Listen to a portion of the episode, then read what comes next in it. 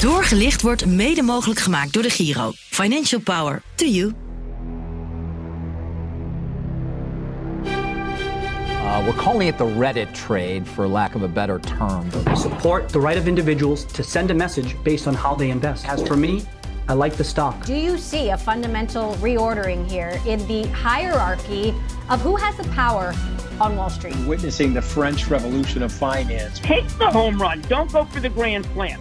Take the home run.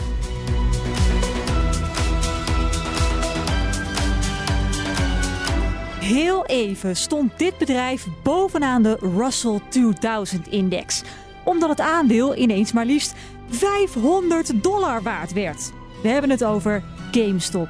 Dit is waarschijnlijk het bekendste meme-aandeel ooit en het is echt zo'n klassiek David against Goliath verhaal. Maar ja, wat maakt een meme-aandeel nou een meme-aandeel? Zijn ze ook de moeite waard of kun je er maar beter ver van wegblijven? Dat gaan wij je vertellen in deze speciale aflevering van Doorgelicht. Mijn naam is Nina van den Dungen.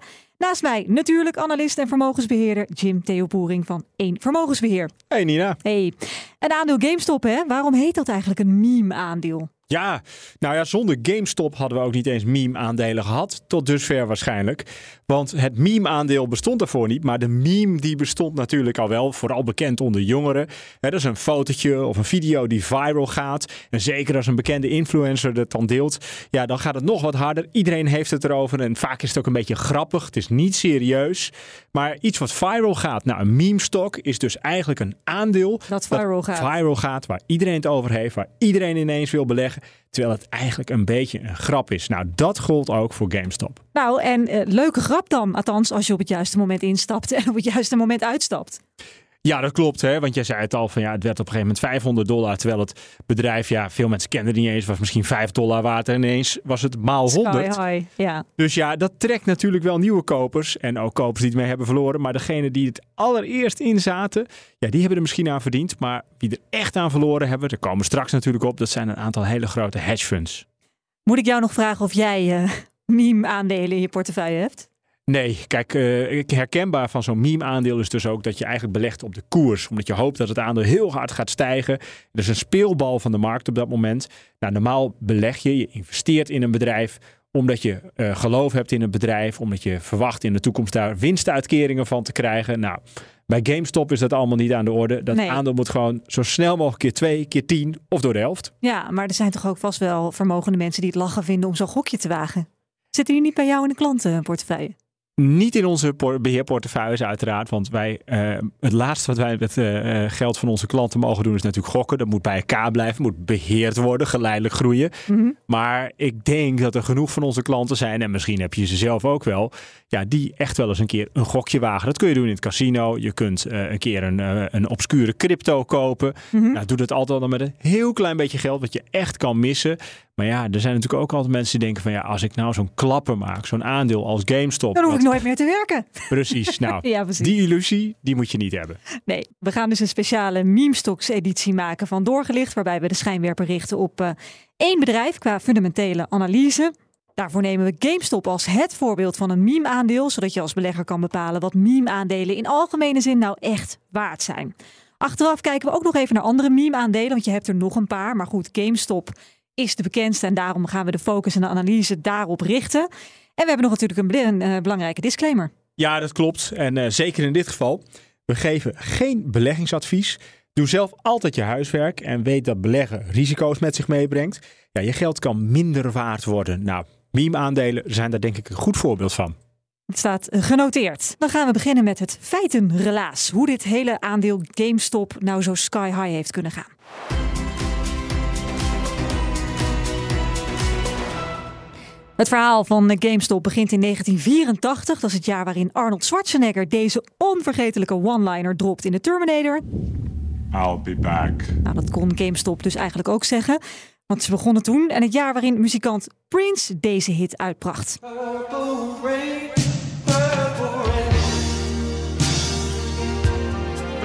Prachtig. Klassieker. En in de Amerikaanse staat Texas wordt dan het softwarebedrijf Babbage's opgericht door twee schoolvrienden. Want ja, videospellen zijn upcoming in de jaren 80. Vooral de spellen voor de Atari 2600 spelcomputer. Die zijn razend populair. Lekker begint het niet. In het eerste jaar draaide het bedrijf een half miljoen dollar verlies. Maar twee jaar later spelen ze al kiet. Dankzij een fikse uitbreiding, na nog meer winkels in de Verenigde Staten geopend te hebben, dan wordt er in 1987 voor het eerst winst gemaakt. En één jaar later, in 88, gaat Babbage's al de beurs op. Ik vind dat heel snel, Jim. Dat je opgericht wordt in 84 en dan vier jaar later al op de beurs uh, staat.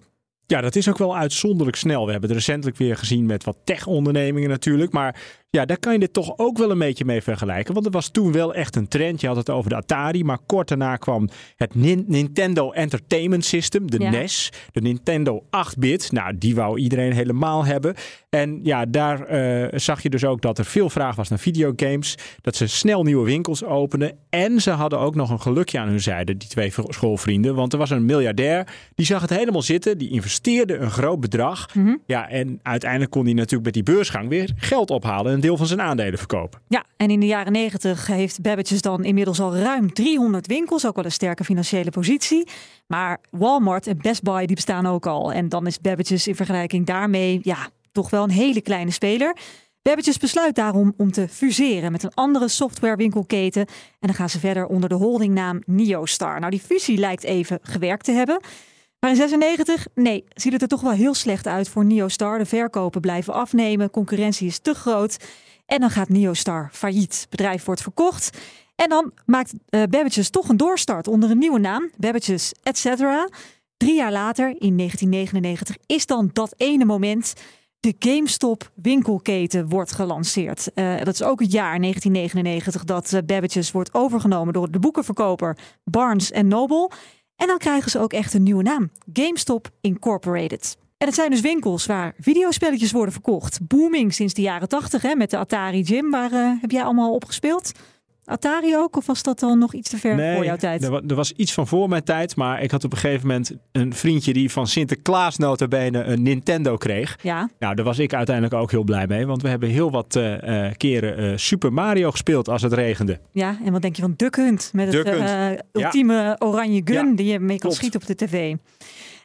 Um, nou, oké, okay, dus het, het, ging heel goed met die GameStop winkelketen. Want het was een, een, een booming periode voor de fysieke Absoluut. spelletjes.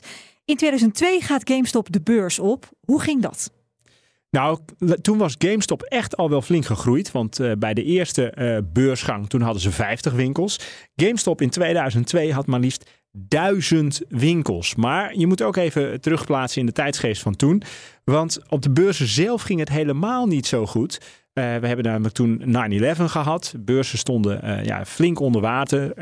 Beleggen was niet populair. Dus een eerdere beursgang die werd ook afgeblazen. Maar in 2002 is het uiteindelijk dan toch zover. Mm -hmm. Er gaan er 18 miljoen aandelen naar de beurs. 18 dollar per stuk. En toch is het wel echt een groot succes. Want die koers die sluit een stuk hoger. ruim 20 dollar. En er is dus op die manier 325 miljoen dollar opgehaald met deze beursgang. Hm. Nou, op dat moment heeft het moederbedrijf uh, Barnes Noble het nog voor het zeggen, omdat een groot deel van de aandelen in bezit is van hun. Maar in 2004 veranderde dat als het bedrijf 59% van de aandelen verdeelt onder de andere aandeelhouders. Ja, en met het geld van de beursgang en ook de toenemende verkoop uh, uh, begint GameStop toch wel flink uit te breiden. Er komen winkels bij in Australië, Canada, Europa, Nieuw-Zeeland. En in 2005 zijn er inmiddels al bijna 5000 GameStop winkels wereldwijd te vinden. De jaren die volgen, die staan in het teken van overnames, uitbreiding, overnames en nog meer overnames en nog meer overnames. De omzet van GameStop die gaat al snel richting de miljarden. Maar aan al het goede komt een eind. Ook voor GameStop. Ze hadden één groot probleem. De core business is natuurlijk de verkoop van fysieke videospelletjes. En dat wordt steeds meer een ding. Als we kijken bijvoorbeeld naar 2016 zie je dat toch wel de downloadbare videospellen heel erg in trek werden. Platformen zoals uh, Xbox Live, PlayStation Network, uh, de Nintendo eShop, Steam. Ja, daar kun je het gewoon allemaal digitaal krijgen. Ze bieden complete game-assortimenten aan. Dus je hoeft gewoon niet langer die fysieke diskjes te hebben. De verkopen voor GameStop die kelderen daardoor met ruim 16% tijdens de feestdagen van 2016. Nou, je weet, de feestdagen, daar moet zo'n winkel als GameStop het van hebben. En ook met uh, 16% in 2017 en nog eens met 8% uh, nadat Microsoft de Xbox Game Pass aankondigt. Een soort maandabonnement hè, waarmee je onbeperkt toegang hebt tot een enorme selectie games. bestuur van GameStop ziet het allemaal met leden ogen aan. Ze beginnen in 2018 een complete verkoop van GameStop te overwegen. Maar een jaar later komen ze toch terug op dat besluit. Want in een aankondiging stelt GameStop dat er geen kopers zijn met de juiste financiering die commercieel acceptabel is. Kort na die aankondiging kelderen de aandelen weer. Dit keer met 14 procent. Het aandeel bereikt daarmee het laagste punt in 14 jaar. Maar goed, die historische koersdaling is niet eens de grootste teleurstelling van dat jaar. De jaarcijfers die zijn er namelijk een stuk slechter aan toe. Het bedrijf boekt een verlies van 673 miljoen dollar. Een jaar eerder was er nog sprake van bijna 35 miljoen dollar winst, dus het ging hard. En als klap op de vuurpijl breekt dan ook nog eens de coronapandemie uit. Door lockdowns en andere maatregelen lijkt het einde van de GameStop nu echt nabij. Want ja, iedereen gaat natuurlijk digitaal spelletjes spelen, want de winkels zijn dicht. Maar dan gebeurt dit. Tonight, it's Wall Street's David versus Goliath. The struggling video game retailer GameStop, suddenly one of the hottest stocks, skyrocketing about 8,000% over six months, driven by the whims of a group of armchair investors online. De aandelen van GameStop die schieten vrijwel uit het niks compleet de lucht in. Op het eh, hoogtepunt is een aandeel zelfs 500 dollar waard. Hoe dat kan, dat vereist even wat uitleg waar we een stapje voor terug moeten doen. Tijdens de pandemie zijn vrijwel alle analisten het erover eens dat het een kwestie van tijd is totdat GameStop failliet zou gaan. Maar als belegger hoeft dat niet per se slecht nieuws te zijn, want je kan natuurlijk ook inzetten op de beurs op een koersdaling en daar lekker aan verdienen, toch Jim? Ja, absoluut. En je moet je ook voorstellen, die winkels waren allemaal dicht. Dus de omzet, ja, die zat echt uh, ja, in zwaar weer. En wat gaan beleggers dan doen? En vooral natuurlijk hedge funds, professionele beleggers die ja, op een wat andere manier beleggen dan uh, traditioneel. Die willen inspelen op een koersdaling. Je kunt verdienen aan koersstijging, maar je kunt dus ook met specifieke instrumenten of specifieke posities inspelen op een koersdaling. Nou, hoe werkt dat? Dat noemen we short gaan, mhm. inspelen op een daling. Wat je dan eigenlijk doet, je verkoopt de aandelen zonder dat je ze hebt. Nou, waar kan je dat mee vergelijken? Je kunt ook rood staan bij de bank dan ja, leen je eigenlijk geld van de bank. En dat kun je toch uitgeven. Nou, in dit geval verkoop je dus aandelen die je niet hebt. Die leen je van de bank. En ja, wat moet je uiteindelijk natuurlijk wel doen? Terugbetalen. Ja. Net zoals wanneer je rood staat. Dus je mhm. moet uiteindelijk die aandelen gaan kopen om ze weer terug te betalen aan de bank. Nou, wat hoop maar je hoop natuurlijk? je met winst?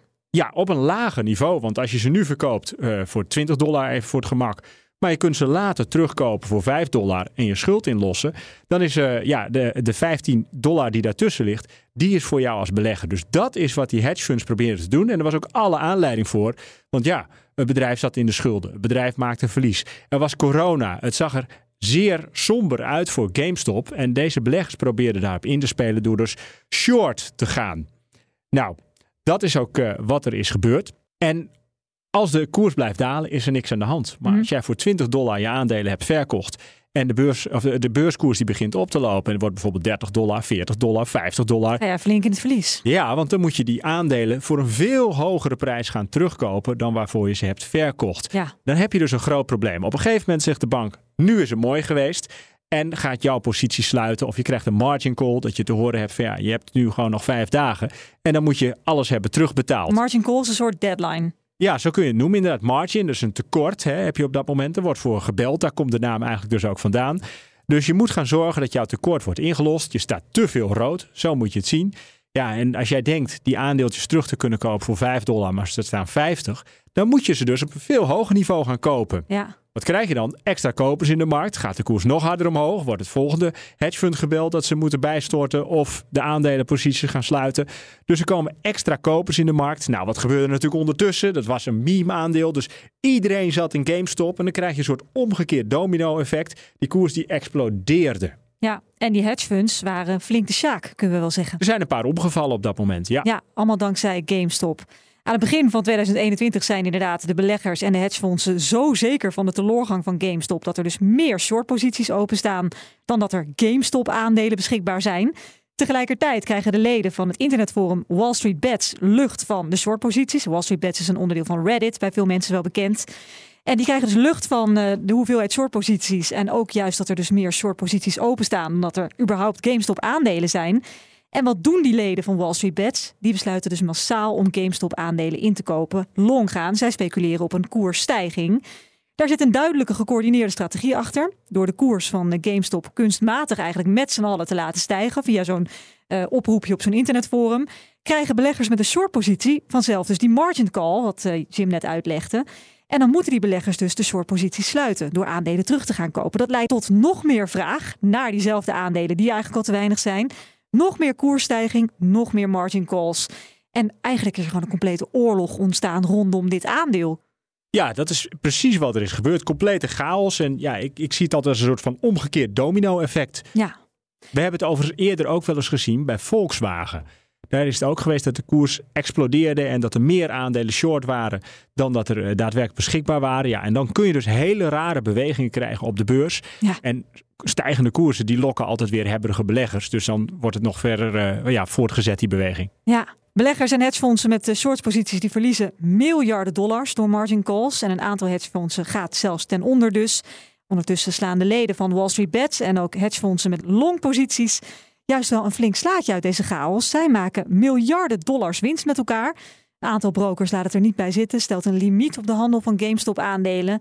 Maar die zet, ja, die is eigenlijk juist olie op het vuur. Er worden met alternatieve manieren alleen nog maar meer aandelen opgekocht, waardoor de prijs nog meer stijgt. En door deze beurschaos tikt de market cap van GameStop bijna de 34 miljard dollar aan. Dus ja, heel tijdelijk, maar toch Ja. het grootste bedrijf van de Russell 2000-index. Ja, je kunt een beetje vergelijken met de omvang van een bedrijf als Ahold Delhaize op dat moment. Dus Ja, GameStop, absurd. bijna failliet, schuldposities, eh, Alle winkels dalende omzet. Maar toch net zo groot op dat moment als Ahold. Ja, nou in de maanden die volgen schiet de koers van GameStop alle kanten op. Shortposities worden gesloten, aandelen worden verkocht. Pas tegen het einde van maart 2021 zie je dan toch weer de rust terugkeren op de beurs. Op dat moment zijn natuurlijk lang niet alle particuliere beleggers rijk geworden hè, door deze short squeeze, zoals die wordt genoemd. Veel mensen die kochten namelijk pas GameStop aandelen toen de trend al behoorlijk aan de gang was en de koers al in de honderden dollars begon te komen. En ze verkochten veel te laat, toen de koers alweer in de tientallen stond. Dus ja, sterker nog, er zijn vandaag de dag nog steeds GameStop-beleggers die oprecht geloven dat er een nog grotere short squeeze komt, waardoor het GameStop-aandeel de 1000 dollar gaat aantikken. Ja, deze mensen die hopen daarop, die zijn ook verbannen van Wall Street Bets Forum, want zelfs daar zien ze nu wel erg weinig bewijs voor die theorie. En ja, je zit toch een beetje daar de meute op te kloten hè? met eh, blijf kopen, blijf Ja. kopen. En dat is dan toch niet helemaal fair. Terug naar maart 2021. De nasleep van deze beursoorlog is enorm. Het komt tot grootschalige onderzoeken van de Amerikaanse federale overheid. Talloze hoorzittingen, nog meer rechtszaken. En op het moment van deze opname in september 2023 is er nog steeds niks concreets uitgekomen. Veel onderzoeken lopen nog. En de wetgevers zijn ook bezig met het aanscherpen van de regels. Nou, GameStop bestaat nog hè, als bedrijf. Eigenlijk is er toch niet heel erg veel veranderd, eh, Jim, ten opzichte van het rampjaar 2018. Eh, nou, voor het bedrijf eh, is er wel iets veranderd. Ze hebben zelf namelijk ook geprofiteerd van die hogere koers. Ja, Daar komen we straks nog wel eventjes op. Eh, maar ja, ondertussen is het natuurlijk wel zo. Ze hebben winkels, ze verkopen games, de omzet die daalt, er wordt verlies gemaakt. Om nou te zeggen dat dat een rooskleurige belegging is, dat lijkt mij niet. Nee, in 2021 wordt er namelijk nog een verlies van bijna 400 miljoen dollar geboekt. Een jaar later weer. En nog een jaar later loopt het verlies nu ietsje terug naar 300 miljoen. Desondanks heeft het bedrijf tegenwoordig nog steeds duizenden winkels wereldwijd. Ja, blijft dat zo? Blijven ze bestaan? Misschien weet Jim het wel. Het is in elk geval tijd voor de fundamentele analyse.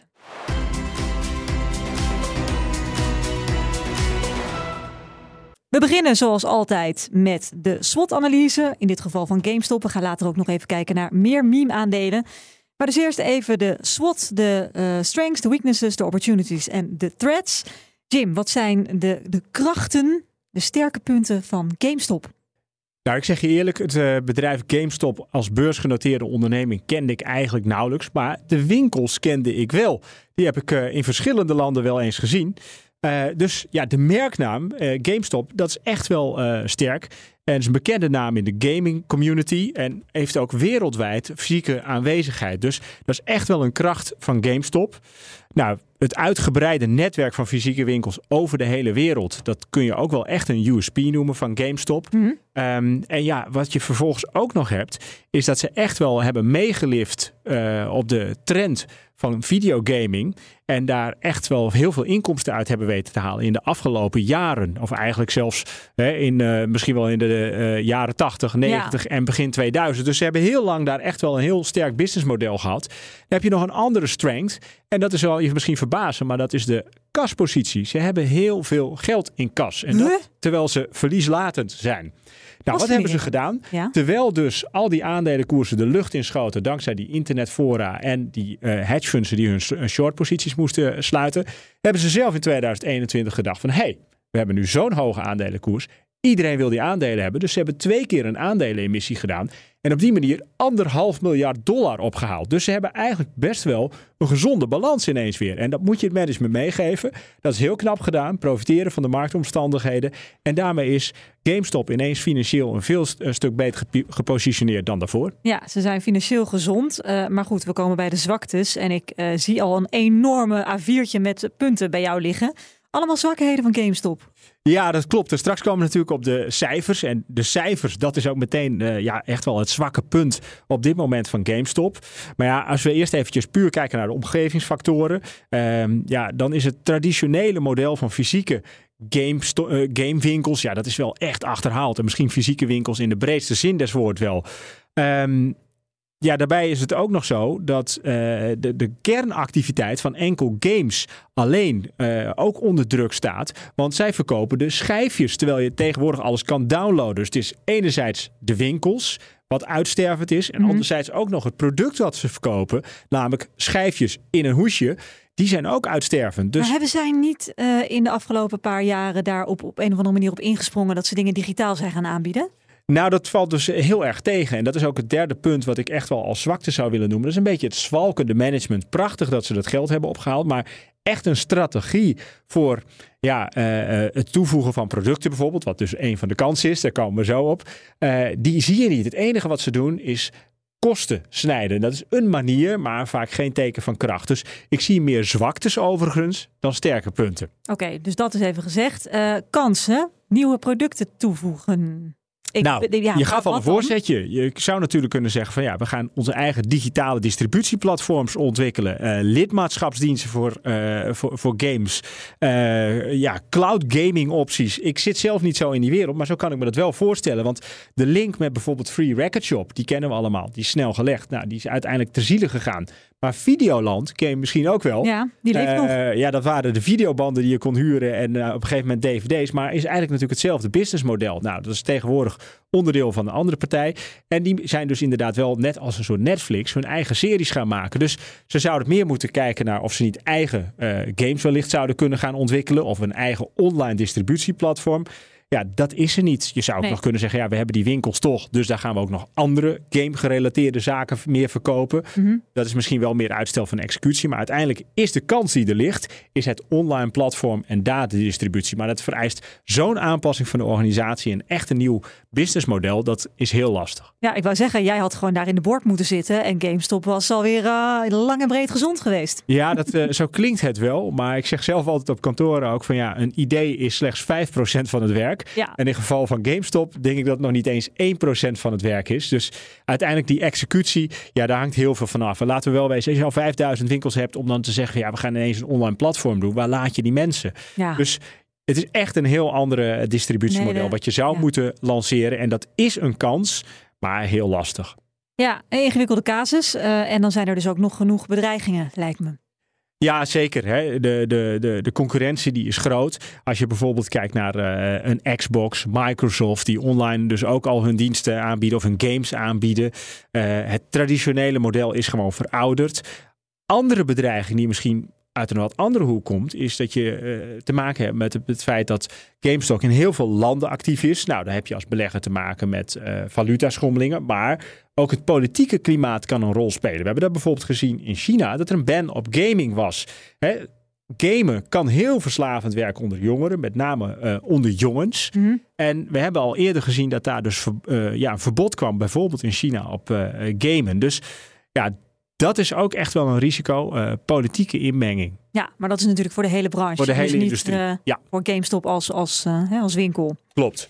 Zullen we eens even kijken naar de kwantitatieve eh, eh, analyse? Want we moeten natuurlijk even hebben over de cijfers. Want jij zei, die zijn heel erg zwak. Ja, ja, en wat wat ik ook wel een beetje hier nog wel wil zeggen, is dat je als je hier als belegger in gaat beleggen, want ik wist niet zo goed of ik dat nou moest plaatsen onder de, eh, de subjectieve analyse of onder de kwantitatieve analyse, maar als belegger ben je wel een speelbal van de markt. Want ondanks dat het aandeel wat meer naar de achtergrond geschoven is en wat minder een meme-aandeel is, is het nog steeds heel volatiel. En ja, het is dus ook een van de 50 meest verhandelde uh, uh, aandelen, aandelen, op het platform van de Giro. Maar niet alleen van de Giro, gewoon wereldwijd. Dus er zitten heel veel mensen in, die zijn allemaal aan het kopen misschien wel irrationeel. Mhm. Als iedereen er achteraan rent, ja, dan zit je goed. Maar het kan ook de andere kant op gaan. Als we met z'n allen roepen sell en het wordt sell, sell, sell, kan GameStop ja, Meteen ook omvallen. weer helemaal onderuit gaan. Dus daar moet je echt als belegger wel op letten. Dat, ja, je bent een beetje speelbal van de markt. Ja. Nou, nu naar de cijfers. Ehm, nou, misschien beginnen met eh, de winst. Eh, of nee, laten we beginnen met de omzet. Mhm. Nou, omzet is op zich wel heel hoog. Eh, ze boeken een omzet bijvoorbeeld in 2021 van zo'n 6 miljard. Eh 2022 is het ietsje gedaald, 5,9. Maar de verwachting is dus dat die omzet ieder jaar wat verder daalt met 100, 200 miljoen. Dus de omzet die staat onder druk. Ja. Nou, de kosten gelijktijdig die zijn hoog. Want ja, Veel al die personeel, winkels, veel Al het winkels. personeel, Ja. exact. Dus 2021, je noemde het al, dat was er een verlies van bijna 400 miljoen. Eh 2022 was dat een verlies van zo'n 300 miljoen. Voor 2023 wordt het ook verwacht. Dus ja, eh, eh, GameStop heeft het zwaar. Maar er is een lichtpuntje. Want het tweede kwartaal van 2023 was ineens heel sterk. Oh ja? Ze hebben flink in de kosten gesneden. En het verlies was nog maar 3 miljoen dollar. Dus het Maar- zou wat ja. zijn als GameStop de tijd toch kan keren. Maar het is dus niet vanwege meer verkopen. Het is puur vanwege snijden in de kosten. Ja, dat, en dat is natuurlijk eigenlijk een zwaktebod. Hè, eh, kosten snijden, dat wil je liever niet zien als belegger. Scherp op kosten wel, maar je wil vooral stijgende omzet zien. Nou, die is er niet. En ook als je dan kijkt naar de operationele marge, dus wat wordt er daadwerkelijk verdiend aan het verkopen van die spelletjes, dan is het eigenlijk zo dat er 5, 6 procent verloren wordt. Dus een negatieve operationele marge. Elke disc. doorlopend. Echt waar. Ja, op elke dollar die er binnenkomt, eh, ja, eh, gaat er eigenlijk eh 6 cent bij. Zo moet je het een beetje zien. Dus dat is eigenlijk natuurlijk niet wat je wil zien als belegger. Nou, wat je wel wil zien als belegger, is dat er dividend wordt uitgekeerd. Want als Ja. er winst wordt gemaakt, dan krijg jij als belegger een deel daarvan. Dat noemen we dividend. En dat doet GameStop niet, want in 2019 hebben aandeelhouders voor het laatst een stukje winstuitkering gehad, Mhm. dividend. Nou, om dividend uit te keren eh, hoef je niet per se winst te maken. Maar ja, eh, dat is eigenlijk wel een voorwaarde natuurlijk. Dat je een deel van de winst krijgt. Er is gewoon geen winst. Nou, Nee. dan kijkend naar de balans. Want het kwam er al een beetje uit. Is dat er toch ook wel een heel opvallend element is aan eh, deze meme-stok. Ja. Namelijk dat ze gewoon cash op de bank hebben staan. Eh, volgens mij 1,2 miljard dollar. Dus ze kunnen het echt nog wel een tijdje uitzingen. Mhm. Eh, en hun balans is dus gewoon wel sterk. Want ja, als je dit soort meme-stock zoekt, we hebben het nu specifiek over eh eh, GameStop, Mhm. stop, pardon. Maar dan ga je natuurlijk zoeken naar een aantal kenmerken die je wilt hebben van ja, wat kan er nou voor zorgen dat zo'n aandeel ineens de lucht in schiet en dat het explodeert en dat ik ook hè, misschien wel miljarden ga verdienen. Overigens is niet dat er beleggers zijn die miljarden hebben verdiend, maar al die kleine beleggers bij elkaar hebben lekker verdiend. Ja. Dan ga je dus op zoek naar bedrijven met een verouderd businessmodel, eh, een dalende omzet, bij voorkeur ook een negatieve marge. Allemaal aan de orde bij GameStop. Eh, een management wat regelmatig vervangend wordt. En bij voorkeur ook een grote schuldpositie. Nou, Ja. had GameStop allemaal. En er is nog iets. Eh, je hebt short registers, dus dan kun je zien of een aandeel veel geshort wordt door professionals. Als dat zo is, betekent eigenlijk dat de markt denkt, dit gaat helemaal mis. En Ja. alle ingrediënten zijn er ook. Nou, dan moet je vervolgens heel actief op Reddit gaan worden. Ja. Allemaal mensen om je heen verzamelen. Nog een influencer erbij. En dan heb je En een raket die omhoog gaat. Dan kun je dat krijgen. Maar Ja. is dat beleggen? Nee. Maar is dat nu, hoe is dat nu nog met de shortposities van GameStop? Ehm, nou, die zijn er nog steeds, maar is wel een stuk gedaald. Er zijn nog wel steeds een aantal bedrijven die short zitten of die eh poets hebben. Dus eh, absoluut aan de orde. Maar het GameStop-model is verouderd. Maar GameStop heeft zichzelf toch kunnen versterken dankzij Mhm. die hogere koers. En het ophalen van anderhalf miljard dollar. Ja, precies. Nou, GameStop is natuurlijk niet de enige gamewinkelketen. Dus het is ook goed om hem even breder te, eh, te plaatsen, dit GameStop-aandeel, in de hele branche van, eh, van gamewinkels. Er zijn ook andere bedrijven waar je soortgelijke aankopen kan doen. Doen die het beter? Nou, kijk, als je. eh, eh, kijk, GameStop heeft wel een unieke marktpositie wat dat dan gaat. Want als je gaat zeggen van, nou ja, wat, wat zijn dan de concurrenten? Dan kom je eigenlijk uit op een Walmart. Maar wat heeft. Walmart? Een heel breed aanbod. Want je kunt daar ook, eh, bij wijze van spreken, appels kopen en, En cornflakes. Precies, ja. Dus Best Buy heeft ook games, maar heeft ook een breder aanbod. Ehm, dus, en je zou kunnen zeggen, wie is ook een concurrent? Bijvoorbeeld Microsoft met de Xbox. Maar Ja. die hebben weer een veel interessanter businessmodel. Want die leveren gewoon online direct aan hun klanten. Dus GameStop is in die zin ook wel een beetje een vreemde eend eh, in de bijt qua businessmodel. Eh, ja, als je nou gaat zeggen, ja, zijn er concurrenten? Dat zijn er concurrenten, maar er zijn wel heel veel bedrijven die ook in aanmerking komen voor de titel meme-aandeel. Eh, we hebben eerder toe gehad, eh voor mij heette dat AMC Entertainment. Dat was een bioscoopketen. Ja. Hè, ook op de rand van faillissement, dalende omzet, zwalkend management, schuldpositie, verlieslatend. Ja, die ging op een gegeven moment ook als een raket. En dan vraag je natuurlijk af, ja, zijn er nu ook aandelen die wellicht voor de titel meme-aandeel in aanmerking komen? Wat ook wel een bekend aandeel is, eh, is Rivian. Ja. Dat is een elektrische autobouwer. Eh, zijn naar de beurs gegaan. Ging aanvankelijk heel goed. Nou, met de koers gaat het nu heel slecht. Eh, de verwachting is misschien wel dat hun omzet nog heel hard gaat oplopen. Alleen ja, daar zijn toch ook wel erg veel onzekerheden aanwezig. Dus dat is ook Ja. een aandeel waar heel veel, nou, ik zou eigenlijk willen zeggen, gelukzoekers hun geluk beproeven.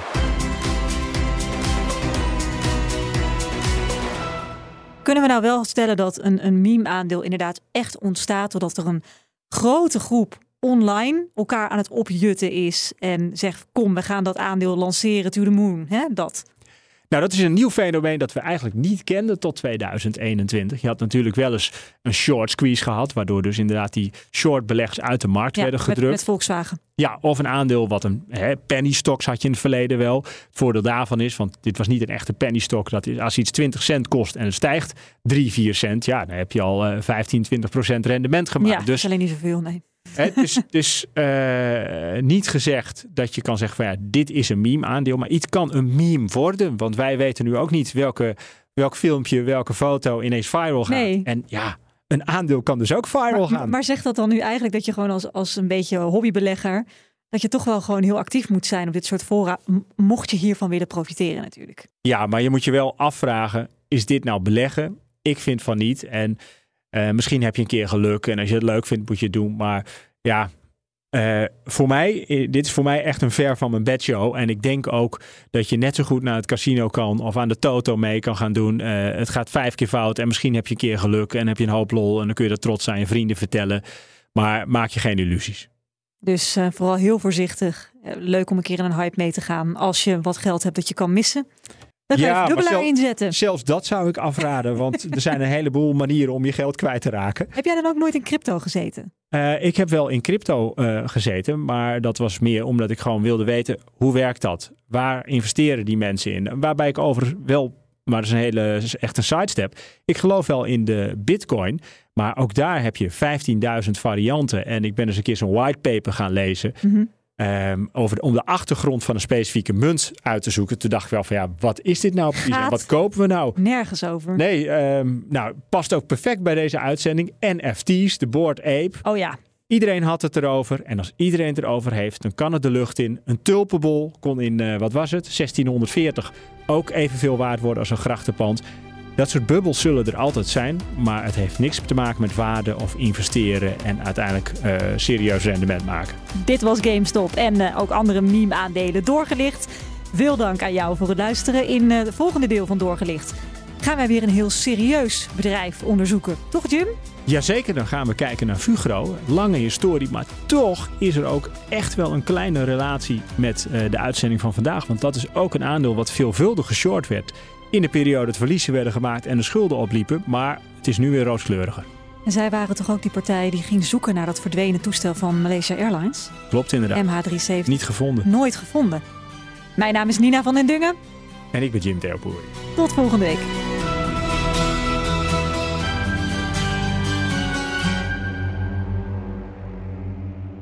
Doorgelicht wordt mede mogelijk gemaakt door de Giro. Financial Power to you.